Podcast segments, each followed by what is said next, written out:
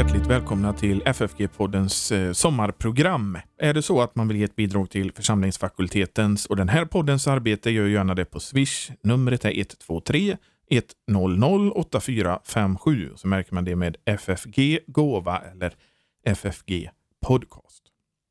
För annat som händer på församlingsfakulteten, besök vår hemsida ffg.se.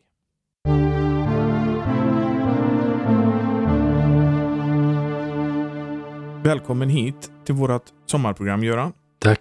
I våra sommarprogram så diskuterar vi en eller två bibelversar. Och vi har valt eh, Saltaren idag. Saltaren 32. Verserna 1 till och 2. En lärosalm av David. Salig är den som har fått sin överträdelse förlåten, sin synd övertäckt.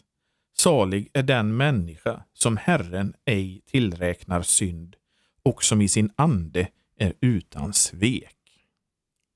Vilket upplyftande bibelord.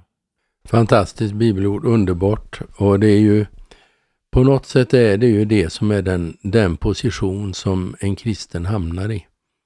Det kan vara svårare idag att upptäcka detta därför att vi, vi alltså förr så förutsatte man ju att människan var värdefull och så. Nu, nu kan man kanske inte börja att tala om synden utan man börjar med att varje människa är värdefull.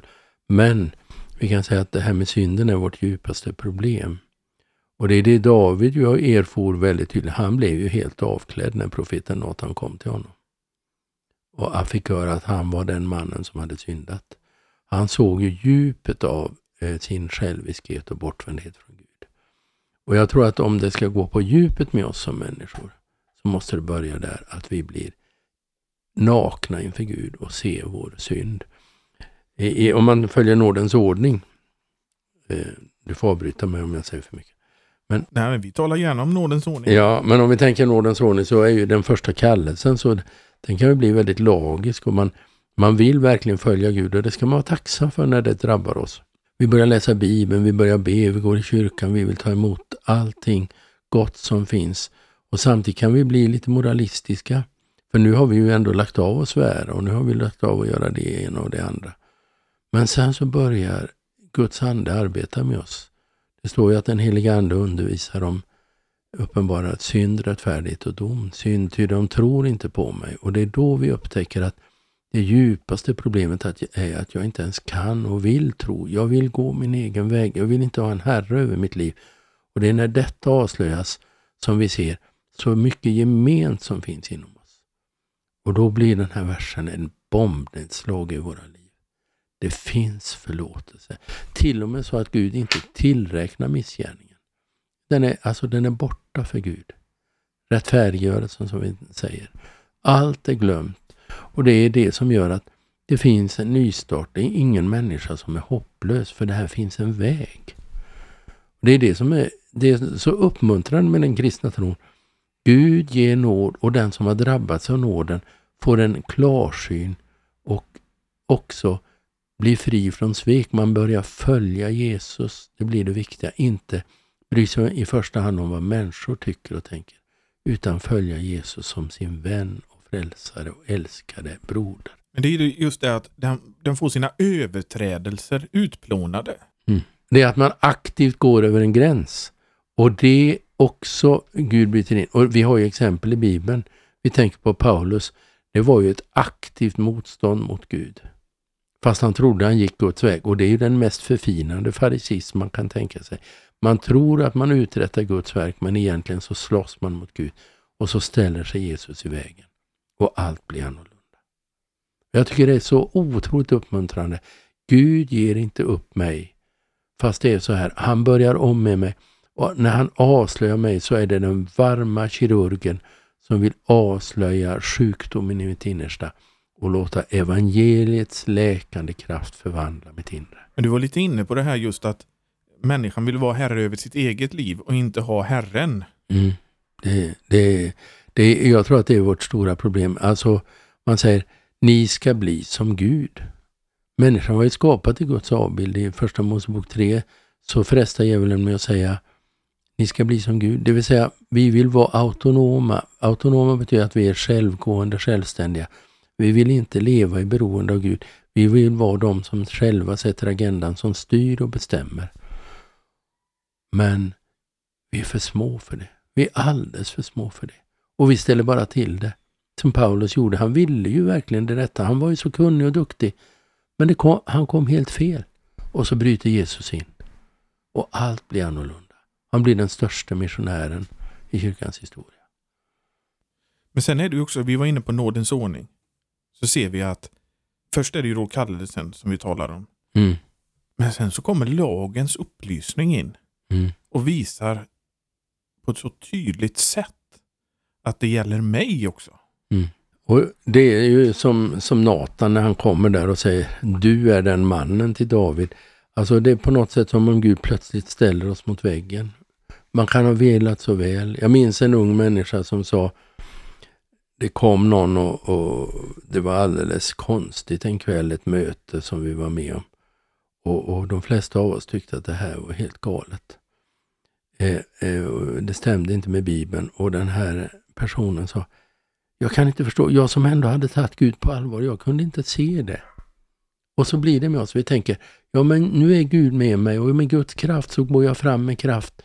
Och så ser man inte att jag behöver få fördjupas och därför börjar Gud arbeta med mig, med mitt humör, med min själviskhet, med min kanske girighet eller om det är andra begär. Allt det börjar Gud avslöja för att lära oss att stå på nådens klippa. Och det är anden som gör det. Det finns ingen annan väg. Och när anden gör det så då kommer också den, den gode anden som uppfyller vårt inre med sitt liv. David avslutar jag här med att skriva också att eh, ej tillräknat som i sin ande är utan svek. Mm. Alltså det blir, om man tänker att man blir ofta kluven, så tänker jag. Man blir kluven, man lever, man försöker ibland leva sin kristendom med dubbelliv. Man försöker vara kristen, åtminstone på söndagar och sen så påverkar det inte ens liv. Men det som händer är när förlåtelsen drabbar mig och jag ser att Gud är nådig mot mig. Det finns ingen annan väg. Då blir också jag inriktad på ett håll. Så tänker jag om den versen. Det blir utan svek, det finns en riktning. Och sen får Gud börja om med mig gång på gång. Och det är det som gör att jag vågar vara kristen. Annars vore det kört. Och, och det är att det, det sker dagligen. Liksom. En daglig omvändelse. Att man da, dagligen vänder om till, till, till Jesus. Mm. Precis. Alltså ibland tänker jag så här att varje morgon så börjar jag med att fly från Gud. Jag vill, jag vill klara ut den här dagen själv. Och så tvingas jag ner på knä och få överlämna mig och veta att det finns nåd och barmhärtighet också idag för mig. En gammal vän till mig som inte finns längre, han brukade säga att omvändelse det är att man vänder sig om och där står Jesus. Mm. Jag tycker det är underbart. Och, om vi tänker den här blinde mannen vid Jeriko i slutet på Lukas 18 så kommer Jesus och han, han, han, ber, han ber Herre förbarma dig.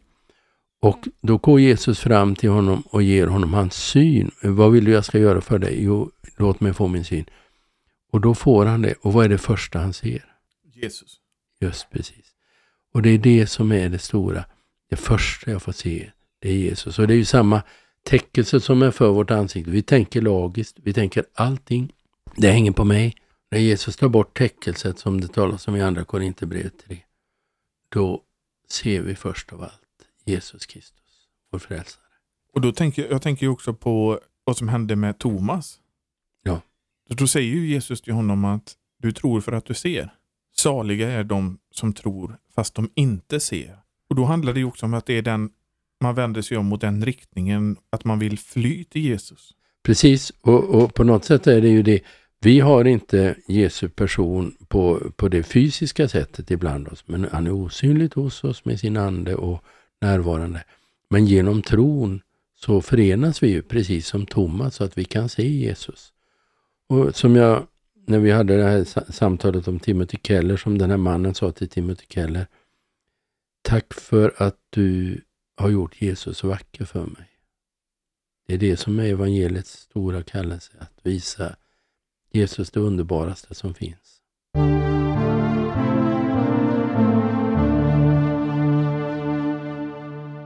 Tack Göran för att du var Tack. med i det här programmet och våra korta sommarprogram.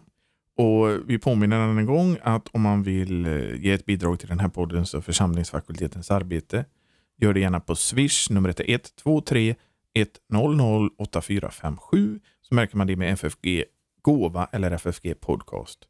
Och Till hösten så händer det mycket på församlingsfakulteten och det finner du på vår hemsida ffg.se.